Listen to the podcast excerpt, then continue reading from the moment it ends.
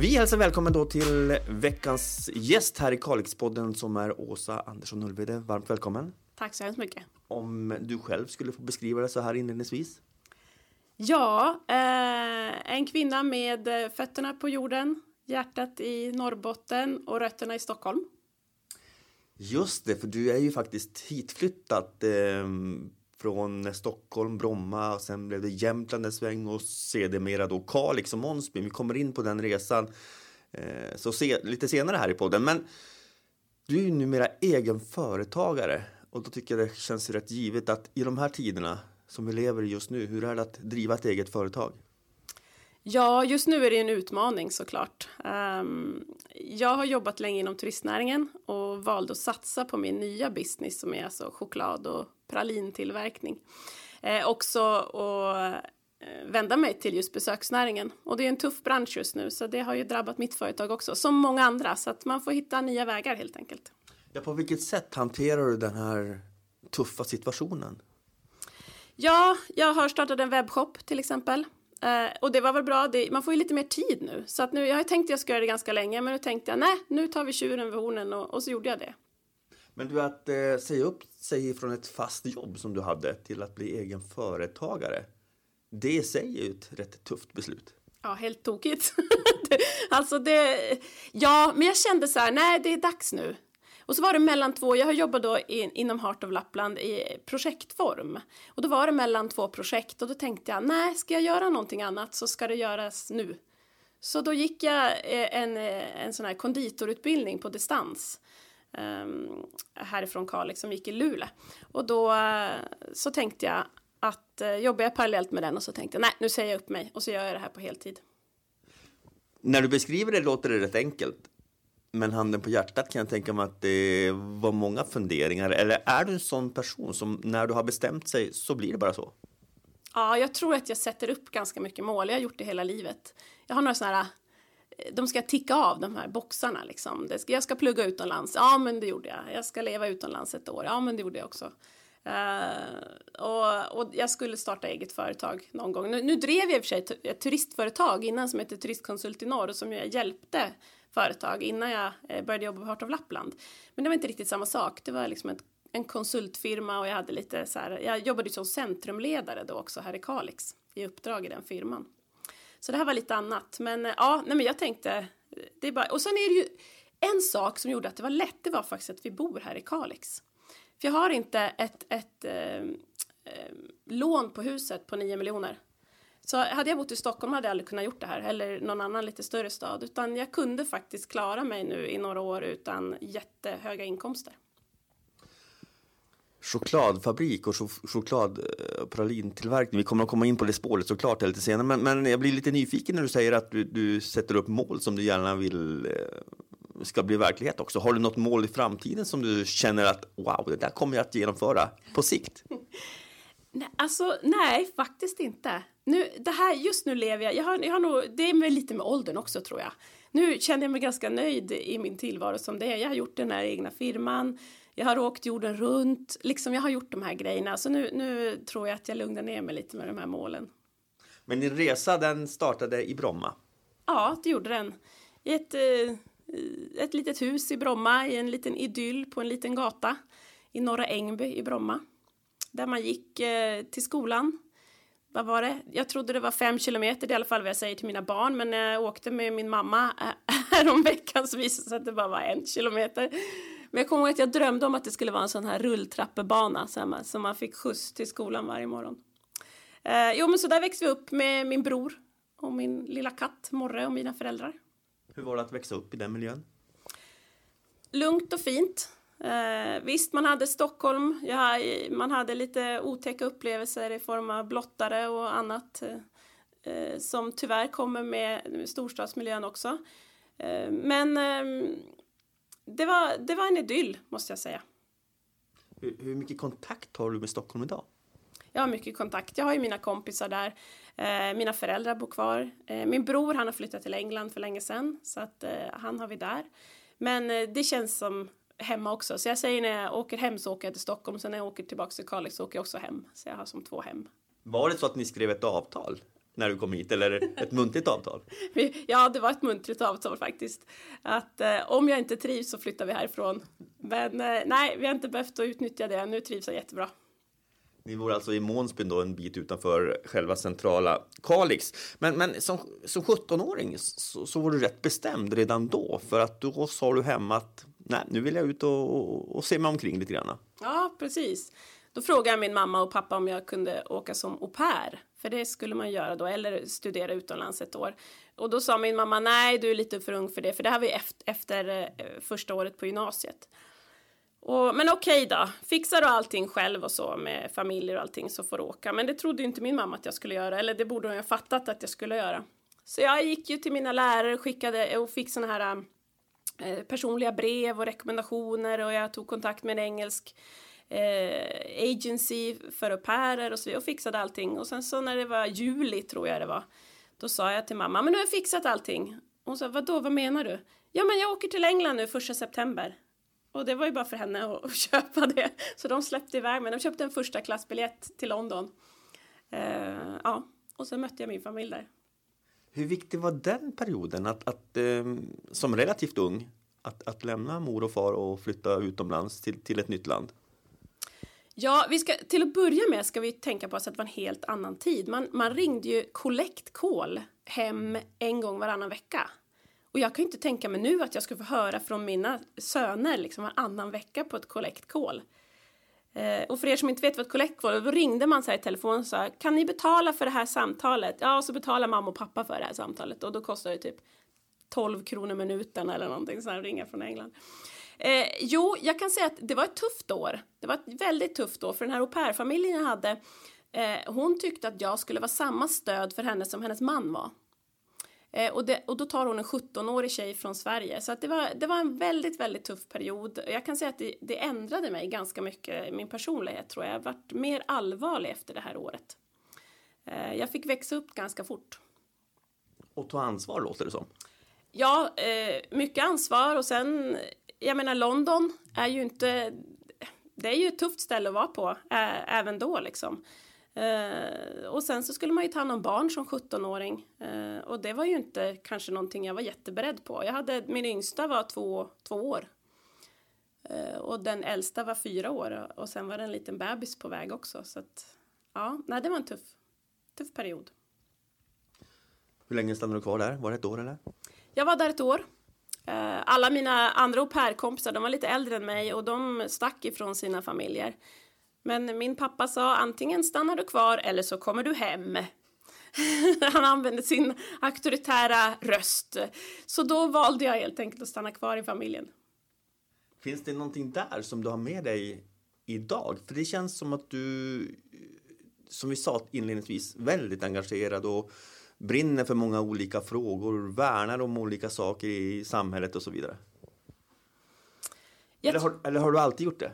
Ja, nej men det har jag nog alltid gjort. Jag är, jag är scout. Sen, sen var, när började man scouterna? Sju år och sen vart jag ledare och sådär. Så att scouthjärtat finns alltid där och mycket ideellt arbete i, i samband med scouterna också.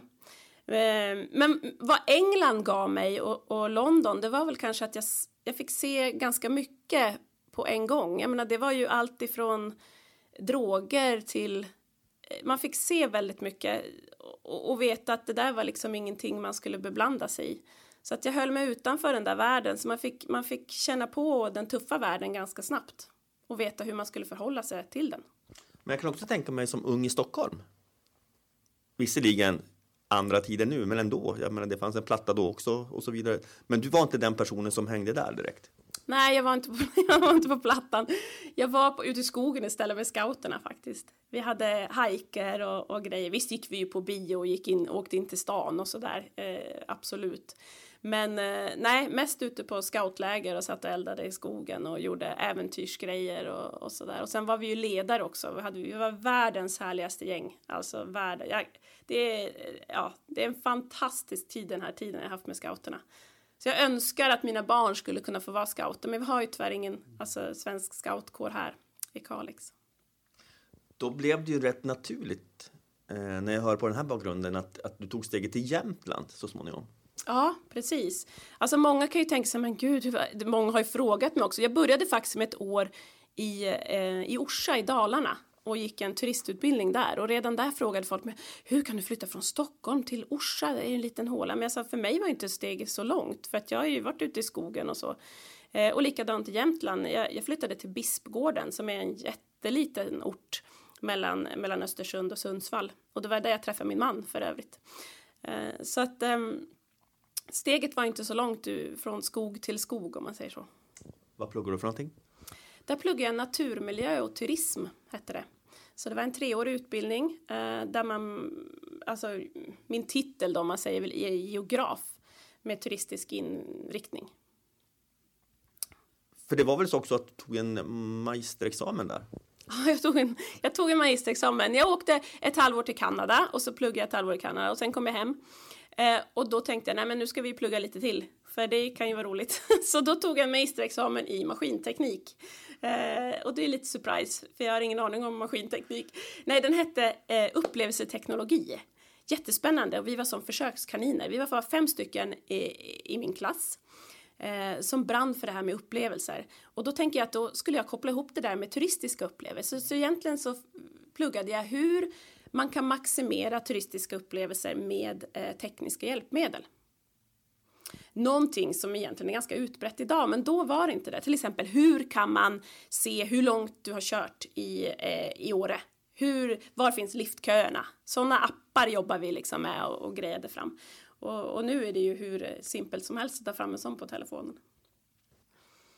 Det här med naturen då, vad, vad är det som ger dig så mycket att vara som den här naturen? Alltså det är verkligen en fristad. Eh, det är där jag kan andas. Eh, det är där jag får liksom kraft. Jag har ett litet ställe ovanför Kalix, eller Kalix säger jag, Månsbyn, eh, där jag åker upp och det, där solen nästan alltid strålar in genom, genom takkronorna och det är mossa på hela marken och det är den där härliga gröna färgen som bara är så där mysig för ögonen och bara vila på. Och där kan jag sätta mig och bara andas några gånger in och ut och få den här energin. Det är väl min, jag är inte jättebra på yoga liksom, men det är min lilla naturyoga där ute i skogen. Hur ofta har du möjligheten att besöka den här platsen som jag förstår betyder mycket för dig? Nej men ja, ganska ofta gör jag det. Det tar inte så långt. Vi bor ju ute i Månsbyn. Det är precis ovanför vår gård. Så det tar bara tio minuter att ta sig dit. Det är det som är charmen. Man behöver inte ta bilen någonstans och ut. Så ja, några gånger i veckan i alla fall. Om inte annat på hundpromenaderna. Ja, du lever ju med man, två barn och hundar och höns också va? Ja. Det är mina kvinnor, brukar jag säga. Vi har bara massa testosteron hemma hos oss nämligen. Jag har två söner, eh, varav en är 14 år, tonåring. Eh, och sen så eh, har vi en 12-åring nybliven och sen Ivar, min man. Och så två hanhundar. Så det är jag och hönsen, helt enkelt. Vad var det som gjorde att ni, ni så småningom tog er till Kalix? Alltså, vi bodde i Östersund sista tiden och Ivar han jobbade i skogen och jag pluggade ju mina sista år och jobbade en säsong i Åre och ja, sånt där man ska göra när man är i Östersund. Och så fick vi två barn som sagt eh, och vi bodde i ett jättefint radhus nere vid eh, Storsjöns strand. Och sen så hittade de radon i vårt hus och då tänkte vi det här är ju inget bra att växa upp med barn här och, och strålningen. Det var dessutom markradon så det är svårt att göra sig av med. Så då började vi titta på hus där, men så insåg vi att Ivar har ju faktiskt en gård uppe i Kalix. Som bara står, för han ärvde då den, det är ju du vet eh, den förstfödde sonen ska få den här gården, ni vet hur det är. Ja, så han hade ju det oket runt sina axlar. Så tänkte vi, vi måste ju provbo. Så klarar vi liksom inte av det så måste vi ju sälja gården och behålla skogen.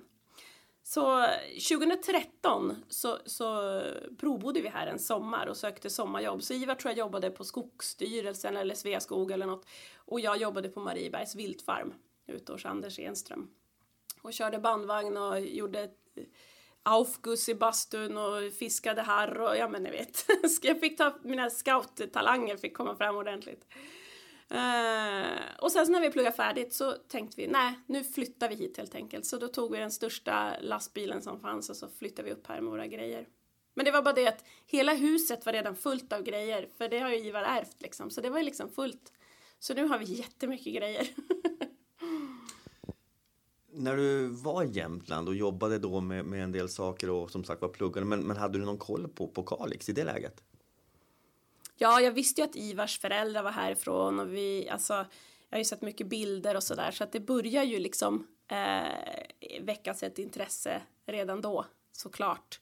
Um, jag, jag, började titta till och med och, och, och plugga färdigt uppe i Luleå. För det verkade ju som en trevlig stad tyckte jag liksom. Eh, så att steget till Kalix kanske efter att jag hade bestämt mig eh, liksom rent mentalt och hade varit här några gånger var inte jättestort. När vi träffades första gången, det är ju ett antal år sedan, eh, så minns jag så väl ditt engagemang för de olika frågorna vi pratade om och ditt brinnande intresse för Kalix. Vad är det som gör Kalix så speciellt tycker du? Alltså jag vet inte om jag, jag är lite, jag tror att jag är en person också som, jag, jag, mitt hjärta är där jag är liksom om man säger så. Så ska jag, ska jag leva här så vill jag också engagera mig i den orten. Jag kan inte säga om det är eh, riktigt vad det är, men, men jag, jag älskar Kalix för att det är närheten till allting. Eh, vi har vår fantastiska natur, vi har älven, alltså allting låter ju som det här man säger på reklamen, men det är verkligen så. Eh, och, och, jag känner att det är viktigt, ska man leva i en ort så är det viktigt att engagera sig och, och, och försöka göra den bättre. Eh, och jag kan ju känna en jättestor utveckling bara sedan jag kom hit på de här, vad det nu är, vad är det, 12 år eller någonting vilken positiv anda det är nu med jämfört när jag kom. För när vi flyttade hit, det var knappt att man fick hjälp att hitta en dagisplats liksom. Ja, ni kan väl ta den där dagiset typ. Men nu är det ju så otroligt med inflyttarservice. Så det är jättekul att ha, att ha följt den utvecklingen. När började ditt brinnande intresse för turismen i Kalix? För att i ärlighetens namn, för några år sedan, visst det fanns en turism, men den var inte speciellt utbredd och det var inte speciellt många aktörer som jobbade med turismen. Och här har ju du jobbat extremt hårt eh, och lagt ner mycket jobb och timmar på att se till att Kalix finns på den turistiska kartan. Vad var det som gjorde att du brann så otroligt mycket för att få till det här? Alltså det är kanske också för att jag kommer, har, har bott i, i Östersund där där turismen är jätteutvecklad. Så jag såg att det finns ju en otrolig potential. Jag har jobbat i Åre, jag vet hur det kan bli. Så när man kommer till en ort som Kalix som har all den här potentialen eh, så kändes det jättenaturligt att, att försöka få till någonting med, med turismen här också som gör att småföretagare kan leva på det och så vidare. För nu ser man ju den eh, förändringen att småföretagare faktiskt vågar gå in och jobba 100% med turismen, vilket vi hade ett, och fortfarande har, för att man vågar inte riktigt, men det är många som gör det ändå. Det är att vi hade mycket problem med att man var bara en hobbyföretagare och då kunde man inte ta grupper på den tiden man jobbade med annat. Eh, så där såg jag som en utmaning att försöka eh, fixa eh, gäster så att man faktiskt hade ett underlag och jobba heltid med saker. Vad är du mest stolt över? Jag vet att det kan vara en känslig fråga att, att ställa, men ändå. För många vet vilken enorm betydelse du har haft för, för turistutvecklingen i den här regionen. Vad är du mest stolt över själv? Oj, svår fråga.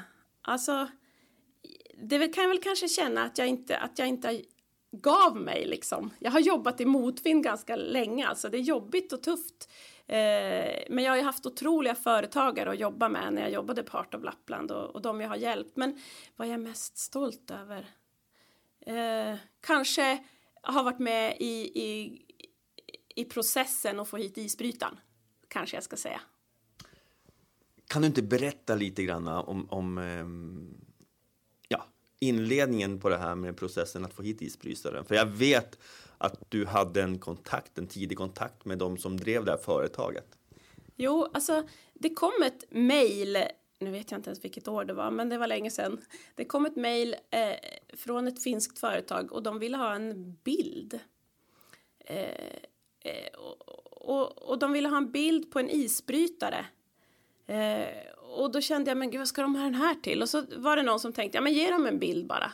Tänkte, nej det här är någonting mer, vi ska inte bara ge dem en bild, vi ska försöka, vi ska försöka ta kontakt med de här. Så jag ringde upp dem här helt enkelt och kollade om de behövde någon hjälp och allt. Och det visade sig att de skulle etablera då Eh, som, en, som Sampo i, i, i Kemi helt enkelt. En, en turistisbrytare. Och letade helt efter en plats där de skulle kunna ha den här. Och de såg emot 10 till 15 000 besökare. Och då kände jag ju oj, oj, oj, det här är ju någonting vi måste hjälpa till. Det här måste vi ha till Kalix. Så de höll på att fundera, vad ska vi ha den? Ska vi ha på Randa? Ska vi ha den? Var ska vi ha den någonstans? Så då drog vi igång stora trumman med hjälp av eh, Heart of Lappland och, och mm, Einar Knudsen på Swedish Lappland.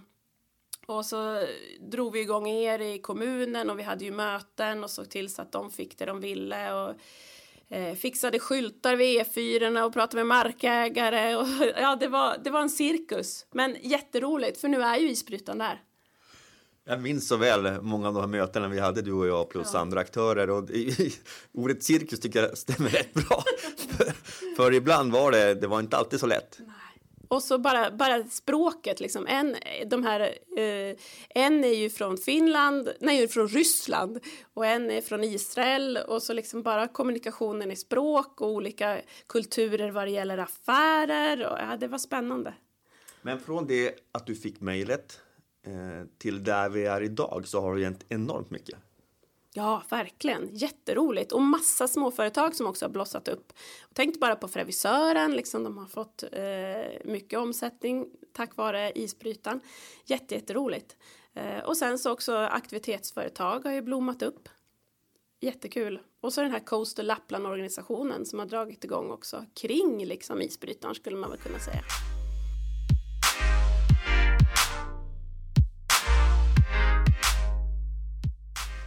Du jobbar ju delvis med turism eftersom du har ett besöksnäringsföretag, men, men inte lika aktivt som du gjorde när du gjorde med Heart of Lappland. Saknar du den tiden? Ja, men det kan jag göra såklart. Jag, jag brinner fortfarande för turismen. Jag menar, det är det jag är utbildad till. Det är det jag, därför försöker jag väva in det i min, min Arctic Treats verksamhet. eh, och, ha, och ta emot grupper och göra lite sådana här pralinshower och så. Men visst kan det klia i fingrarna. Det är därför jag går in lite som konsult emellanåt och hjälper till där jag ser att åh, här skulle de verkligen behöva hjälp. så ibland har jag tur och så vill de ha hjälp med mig. Vad ser du Åsa för potential i turismen? Om vi nu tittar, säg en bit framåt i tiden. Eh, efter att den här svåra, tuffa, extrema tuffa tiden är över. Jag ser jättestor potential. Jag ser egentligen inga gränser. Jag tror att turismen i de här områdena kan utvecklas jättemycket. Kanske ännu mer efter corona än innan för att man ser man har mycket utrymme, man har fri, frisk luft, man har en frihet som man kanske inte har på andra ställen. Man kanske väljer mer aktivt att åka till ett sånt här ställe som Kalix eh, efter corona är över. Om vi bara går in lite grann tillbaka till, till det som sker och händer just nu jag kan tänka mig att du har en del kontakt med, med de här företagen. Hur är läget just nu egentligen? Katastrofalt kan man väl säga faktiskt, tyvärr. Eh, det är ju många som såklart försöker hitta andra vägar, men eh, många upplever just nu en tid av att deras livsverk eh, raseras, tyvärr. Och visst, det, det tittas på olika stödpaket och så vidare, men ja, vi får hoppas att det räcker. Eh, men vad, en sak som jag vet är att eh, jag tror våra besöksnäringsföretag kommer inte ge upp. De har kämpat för hårt för att vara där de är nu så att de kommer kämpa vidare och de kommer ta sig igenom det här. Det tror jag absolut. Eh, för jag hoppas att man på något sätt på andra sidan ser att det faktiskt kommer att gynna ut en ännu kanske inhemsk turism. Vi får väl hoppas det. Men de kommer inte ge upp i alla fall man pratar ju lite grann, eh, eller väldigt mycket vad som händer så småningom och en av de effekter kan ju bli precis som du säger att den inhemska turismen kommer att öka men också tänker jag att än mer samarbete kanske är ett måste framöver för, för att nå upp till de här nivåerna. Ja, det tror jag absolut. Eh, vi ser ju ett otroligt gott samarbete inom turistnäringen eh, i det här området eh, i dagsläget också. Men det är nog som du säger, det kommer att behövas mer samarbeten framöver. Och det har man ju pratat om, jag vet inte hur länge. Vi måste samarbeta, vi måste samarbeta. Men man kanske inte, ja, för några år sedan förstod man det på riktigt att man faktiskt måste samarbeta. För det kanske har varit någon som har bara sagt. Och det var det jag också kände lite grann när jag gav mig in med en ny nya, nya bransch. Jag kan ju inte ha jobbat som, som affärsutvecklare inom besöksnäringen och sagt ni måste samarbeta, ni måste samarbeta och så gör man inte det själv. Därför är det var ganska självklart för mig i min Art Retreats roll att jag går in och samarbetar med andra företag. För nu är det ju faktiskt upp till bevis lite grann. Ja, det gör du verkligen också. Du tar ju väldigt eh, många initiativ för att samarbeta med olika parter. Mm. Och ibland kan det ju vara saker och ting som man inte har tänkt att det skulle kunna bli ett samarbete heller. Nej, men jag tror jag, jag brist, brist av idéer är det ju inte kan jag säga i mitt huvud. Och det är tur att jag kanske inte gör eh, verklighet av alla idéer jag har. Men, men många gör jag det och det, jag tror jag ser, jag ser ganska mycket möjligheter. Uh, och, och, det känns kul när man faktiskt kan göra det själv för då börjar man ju inte, i min andra roll var ju, ja men det här kan ni göra och det här kan ni göra men nu kan jag faktiskt göra det själv liksom. Och i och med att, i, eftersom jag är egenföretagare så är ju beslutsgångarna ganska korta om man säger så. Uh, så vill jag ha ett nytt samarbete då är det bara att ta upp telefonen och fråga den andra parten. Ja, och då funkar det. Så just nu har jag jag har nog tre eller fyra nya samarbeten igång eh, som, är, som jag håller på med nu som är utvecklingsstadiet. Så det är jättespännande någon av de här samarbetena, är det en följd av den kris vi är inne i just nu? Ja, det är det. Eh, en är en direkt, eh, en direkt en sådan som vi kommer att ta fram eh, tillsammans med eh, en annan eh, företagare i, i Swedish Lapland. Du har ju många idéer och många av de här idéerna försöker också förverkliga antingen själv eller att du delar med dig av de här idéerna. Men, men eh, stämmer det att du har fått ett pris som uppfinnare också? Ja, jo, det stämmer. Eh, årets kvinnliga uppfinnare i Jämtland. Eh, när jag bodde där. Jag kommer inte ens ihåg vilket år det var. Men det var ett, ett pris, ett stipendium som man fick eh, av Sigrid Strand hette hon. Och då fick, eh, fick jag det här kvinnliga eh, uppfinnarpriset för en uppfinning som jag har gjort eh, och tagit fram en, en innovation som jag faktiskt har mönsterskyddat i hela Europa. Så um, ja, den är också, det, det är väl i och för sig, du frågade mig om mål. Det är faktiskt den lådan med den här uppfinningen hemma på hyllan. Det är faktiskt fortfarande ett mål. Så den ska nog lanseras innan, innan jag lägger mig fötterna i väder tror jag. Du vet vad den givna följdfrågan blir nu? Nej, vad är det? Ja, precis. Har man sagt ja? Ja, du vet. ja, jag vet. Ja, men jag kan säga så här. Det är en, en liten eh, mojäng för vår yngre befolkning för att hitta vägen fram. Då får ni suga på den. Nu blev ju ännu mer, ja. ännu mer nyfiken blir man ju. Visst, ja, ni får se sen när den kommer på marknaden. Men du har mycket idéer. Du har, du har många grejer på gång. Och det kan ju vara bra. Samtidigt så kan det också vara tufft för dig personligen att, att uh, ha så många järn i elden och det har du fått tyvärr erfara också. Ja, det har jag tyvärr. Eh, jag har väl lugnat ner mig ganska rejält nu och det är mycket tack vare min man för han är lugn och sansad och hjälper mig att komma ner på jorden emellanåt. Jo, det är sant. Har man mycket idéer, eh, jag sprutar idéer. Eh, men det är, då kanske man hamnar lite i trubbel emellanåt. och det gjorde jag väl i, när jag bodde i Östersund. Då gick jag väl in i väggen som man säger. Inte, det tycker jag låter lite töntigt. Men ja, väggen light. Jag, jag jobbade på Inlandsbanan en sommar och så fick jag helt enkelt bara en otrolig jätte, jätte och, och eh, svimmade av och fick åka ambulans eh, in till Mora lasarett. Och sen dess har, har jag haft kronisk migrän och har varit mycket sjukskriven. Um, och det har såklart påverkat mycket socialt för man orkar inte med allt som man kanske vill. Uh, och försöka jobba samtidigt som man har huvudvärk uh, är ganska svårt. Men nu på senare tid har jag fått hjälp på det. Jag har gått på en klinik nere i Stockholm och har fått hjälp. Eh, så nu har jag fått blivit försökskanin på ett nytt eh, preparat som har hjälpt mig otroligt mycket. Så från 16 dagars sängliggande i kronisk migrän till de senaste månaderna inte haft en enda migrändag. Så är det fantastiskt. Går det att beskriva med ord hur det var när det var som jobbigast? Um, ja, ja, alltså sängliggande med eh, mörka gardiner fördragna, en, eh, någon som står och hackar en ishacka i huvudet på en, in i ögonen och i, i framskallen. Uh, Och så ska man kunna fungera samtidigt som liksom mamma och, och anställd och allting. Det, det är en svår uppgift. Eh, tyvärr blir ju familjen lidande då att mamma, jag har ju det här lite grann i bakhuvudet hela tiden. Nej, mamma har ont i huvudet. Mamma har ont i huvudet.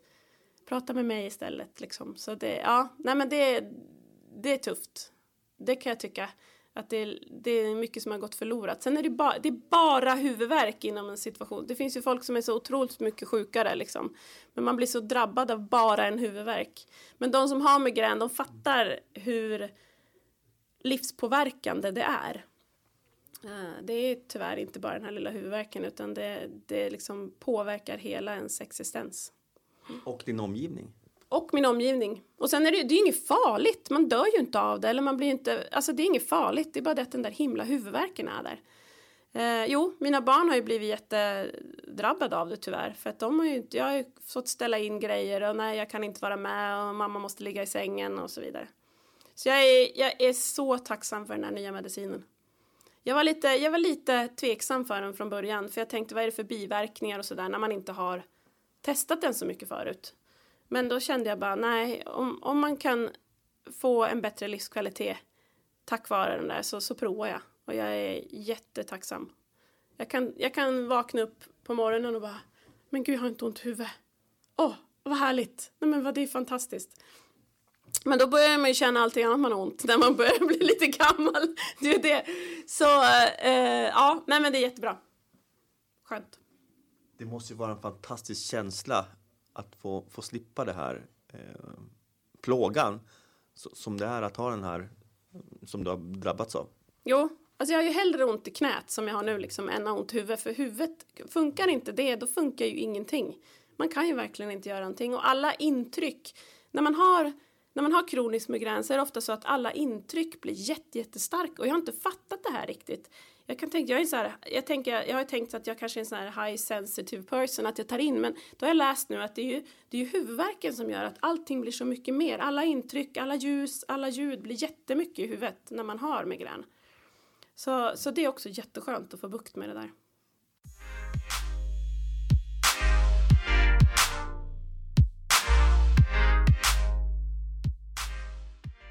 Vi ska gå upp eh, till fjällvärlden tänkte jag här om, om några minuter och prata om eh, din tid där uppe tillsammans med familjen. För ni, ni har ju tillbringat väldigt mycket, jag gör också så, väldigt mycket tid i fjällen. Men, men också att du har en VM-medalj. Det är vi jättenyfikna på. Vad har du en VM-medalj i och hur gick det till? Ja, VM-medalj, visst är det häftigt? Det brukar jag säga att jag har en, jag har en VM-medalj. Alltså det är VM-medalj i lackafiske i Kamlunge. Jo, alltså de hade ju en fantastisk tävling. Jag vet inte vilka det var som ordnade den där faktiskt, men alltså den var helt fantastisk. En, ett världsmästerskap i lackafiske, alltså lakfiske. Eh, och då gick man ut på kvällen, för det är då man fiskar lake. Och sen så hade de gjort jättefint, man fick åka skoter ner och det var facklor och det vid Kamlunge, precis vid Kamlunge, nedanför Kamlungeforsen.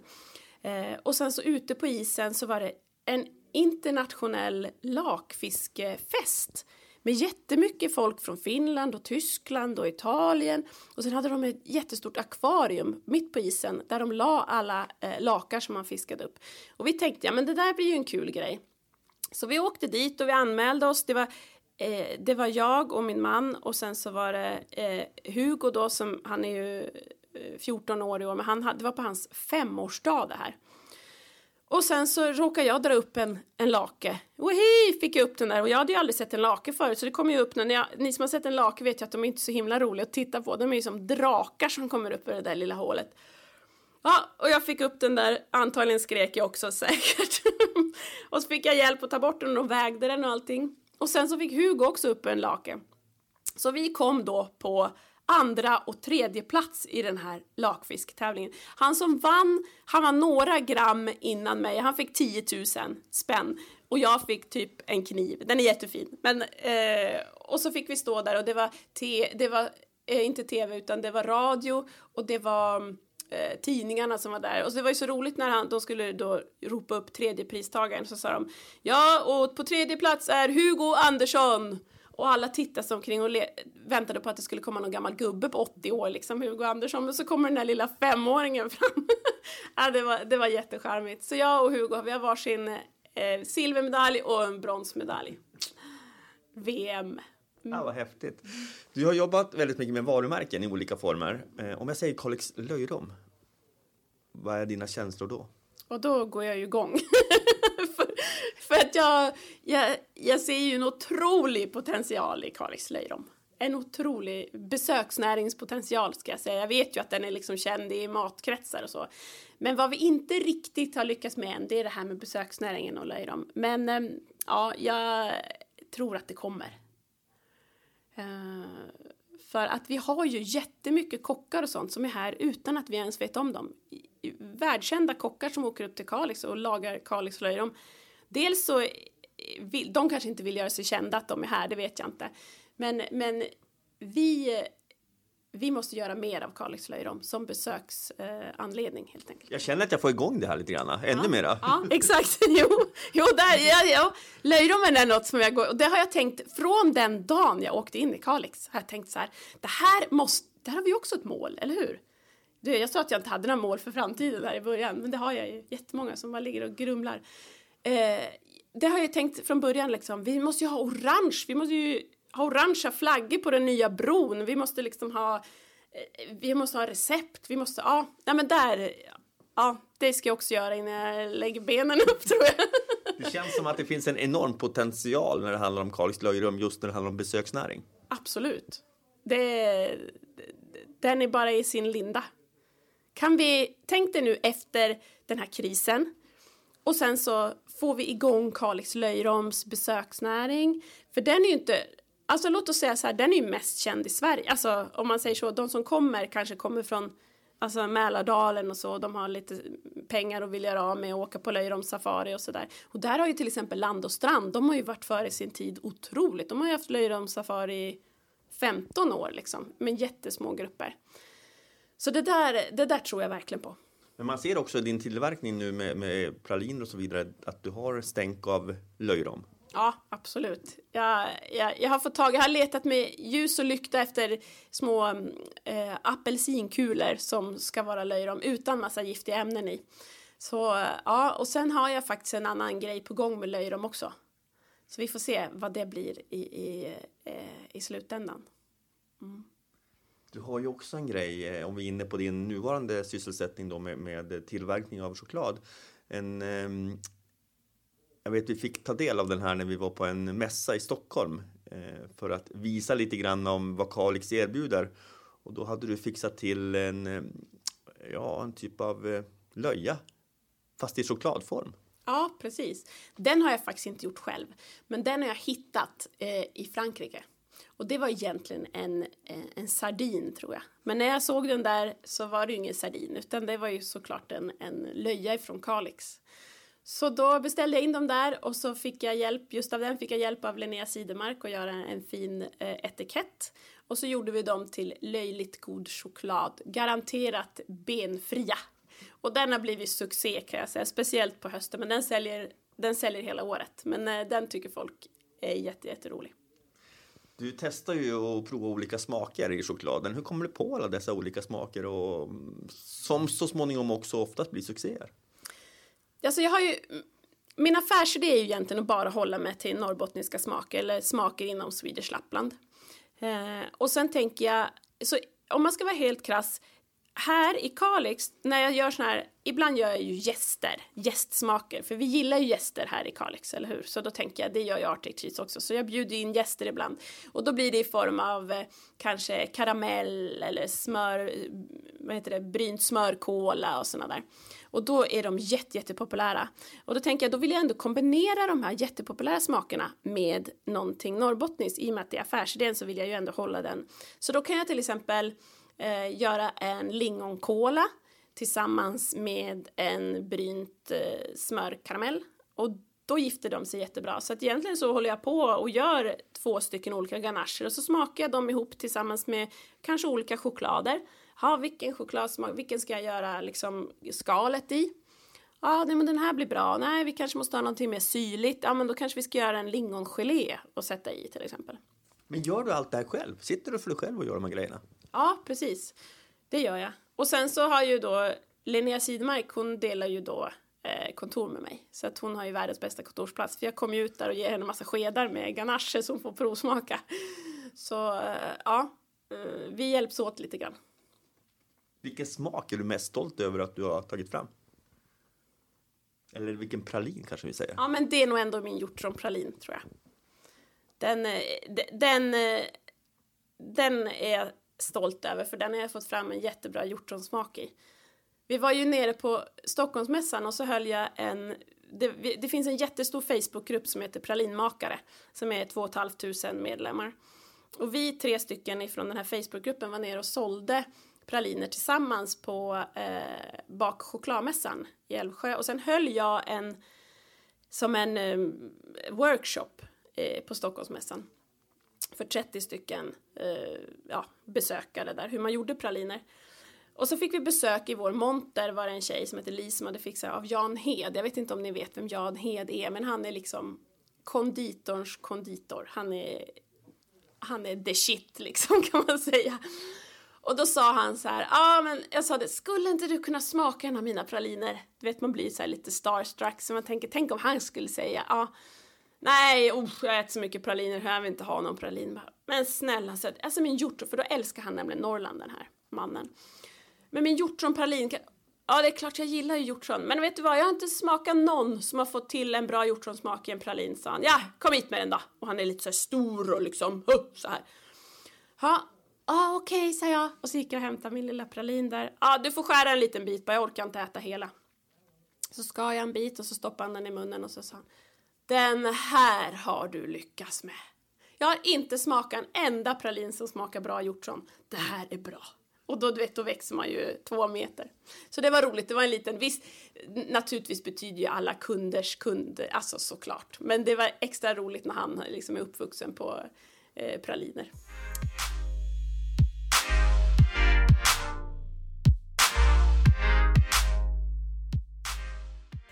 Vad tänker du om framtiden för, för ditt företag? Ja, ehm, som sagt, som jag sa tidigare så hade jag ju liksom tänkt att fortsätta och satsa på besöksnäringen och och för nu har jag ju, jag har ju kunder som eh, Tree Hotel och ni vet alla de här stora som kanske inte eh, beställer jättemycket just nu som ni förstår. Eh, så de ska jag naturligtvis fortsätta att jobba med eh, och sen ska jag försöka hitta fler samarbetspartners.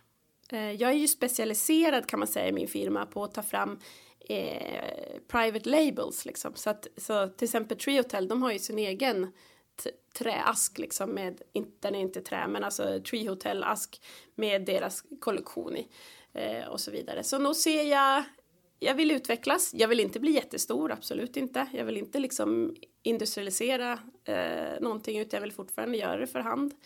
Förhoppningsvis så hoppas jag att jag har en, en kompis i företaget som jag kanske kan anställa. Eh, för att det är lite tråkigt att vara själv. Jag är ingen ensam varg. Eh, och speciellt nu under de här coronatiderna eh, när Linnea inte är där och hon är hemma, då är det, det är ganska tråkigt och stå där själv. Då bara, jaha Åsa, vad tycker du om den här då? Jo, den var ju god. Alltså det blir, nej, jag behöver kompis för att må bra. Så Hur viktiga är de turer som du tar med familjen då i fjällen med tanke på allt du har på gång och dina idéer och så vidare? För, för ni är ju rätt ofta i fjällen. Ja, nej, men fjällen är jättekul. Eh, nu har jag tyvärr blivit lite sådär, oh, vågar jag åka? För jag varit sjuk sist jag var uppe. Eh, men, eh, men nu tror jag att det är bättre när jag har, jag har blivit lite bättre i huvudet och sådär. Så nu ska jag nog våga ut igen.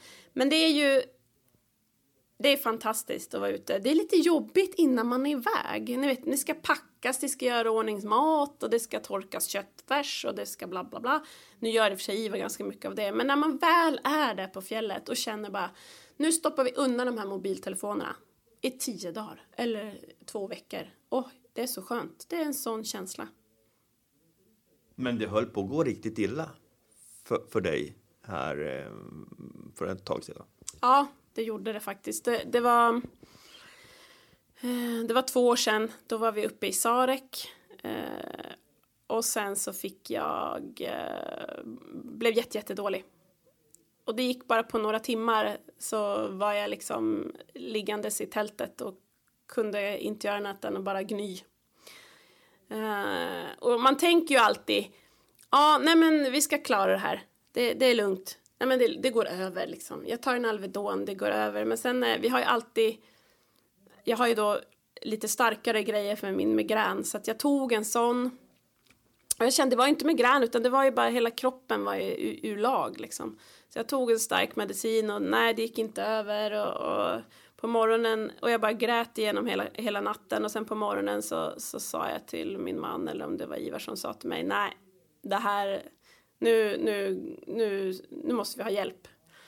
Och mitt i Sarek, vet ni, uppe i ett tält på någon platå där. Det är inte jättemycket nödtelefoner där, men som tur var var det bara en dagsmarsch iväg till en nödtelefon mitt i Sarek. Det finns en där i en stuga.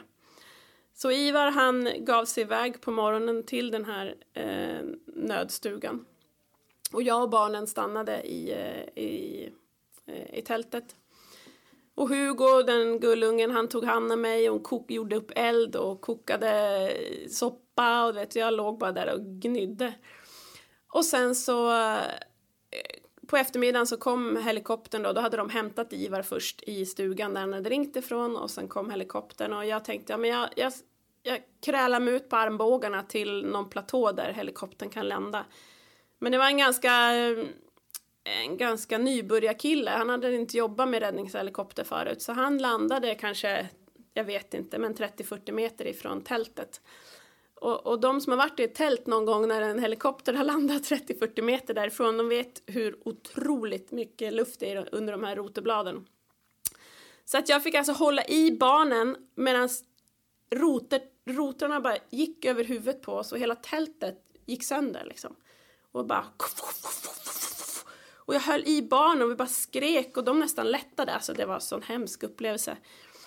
Och tältet gick ju sönder då, så vi stack ut med huvudet där ur, ur tältet och jag ser den här eh, helikoptern alldeles i närheten. Och sen så, eh, och då blir man ju så full av adrenalin så att du vet, jag vart ju frisk på två sekunder så jag sprang ju typ ut till den där helikoptern. Och de undrar ju om det var jag som var patienten. Jag sa jo det är jag, jaha okej. Okay. Och så blir man ju alltid sådär, åh förlåt att ni fick komma, förlåt, det här är säkert, oj hjälp, jag har nog bara skoskav, nej men ni vet sådär. Men så körde de mig till Gällivare lasarett och jag bara lämnade familjen på fjället. Ingen täckning, ingenting. Jag hade ingen aning, liksom, jag visste inte. Och, och där låg jag på Gällivare och det visade sig då att jag hade eh, njurbäckeninflammation och hade CRP, alltså snabbsänka på flera hundra och det ledde till blodförgiftning. Ja, det var inget bra liksom. Så det var bra att jag åkte in. Men sen hade inte jag någon aning om barnen så jag, jag fick inte kontakt med dem på kanske fem, fem dagar. Då visste jag att de liksom var okej. Okay. Oj! Ja. Och de visste inte vad jag var heller. De visste ju inte skicket på mig alls. Alltså de hade ju ingen aning. Det sista de såg av mig var att jag åkte bort i en helikopter. Och de kunde inte få tag i mig. Och jag kunde inte få tag i dem för de var ju mitt ute på fjället. För de kunde inte följa med. För det var ju fullt i helikoptern. Det var ju som tre fjällräddare där i. Det måste ju vara en obeskrivlig känsla att inte få veta egentligen vad, vad som händer och sker runt omkring en. Mm. Ja, alltså det var, det var hemskt för mig men framförallt var det ju hemskt för barnen också att bara se. Så Hugo, han som är 14 nu, han är ju lite sådär. Nej, jag vet inte om du får följa med mamma för du blir ju sjuk på fjället. Så jag håller på att övertala honom att jag får följa med, att jag faktiskt är i lite bättre form nu. Så. Minns du när ni fick kontakt efter den här tuffa tiden? Jo, absolut. Dessutom hade jag ingen laddare med mig. Och det verkar som att ingen i Gällivare har en, en iPhone. ingen på Gällivare lasarett hade en laddare som de kunde låna ut. Så till slut, tack Facebook säger jag, då fick jag tag i en tjej som jag hade träffat i Brasilien. Och hon räddade mig eh, på Facebook. Hon kom upp med en laddare, hon köpte en laddare till mig och kom upp för hon bodde i Gällivare. Eh, och då kunde jag i alla fall ladda telefonen. Men, och så ringde jag ju till dem vet, 300 gånger. Eh, och sen efter tror jag, fyra eller fem dagar då liksom svarade de. Och det var ju Alltså det var, det var så, jag blev så lättad att de var okej. Okay. För att det var ruskväder i fjällen också. Efter en sån traumatisk händelse kommer man än närmare varandra som familj? Uh, ja, uh, både ja och nej. De vill inte att jag följer med efter det där. Nej, men eh, framförallt tror jag de gjorde det, alltså de tre. Gå i spöregn och eh, hårdblåst och mamma precis eh, dragit en helikopter. Uh, jo, nej men fjällen överhuvudtaget gör ju att man kommer närmare. Uh, absolut. Men ni har inte varit i fjällen sedan dess? Har vi... nej, inte tillsammans. Nej, vi har inte det. Vi, det var, vi skulle åka nu på påsk, för då skulle jag verkligen följa med. Jag har åkt en mil skidor om dagen liksom, för jag verkligen, nu ska jag visa barnen att jag, jag kan liksom. Men sen så fick vi ju inte åka iväg då. Så nej, det blir i sommar då istället hoppas vi. Vad bra! Åsa Ulved Andersson, veckans gäst i Kalixpodden. Hur var det att sitta här? Ja men trevligt. En liten eh, pratstund med dig, Reine. Vad bra. Tack så mycket för att du kom hit. Ja men tack själv.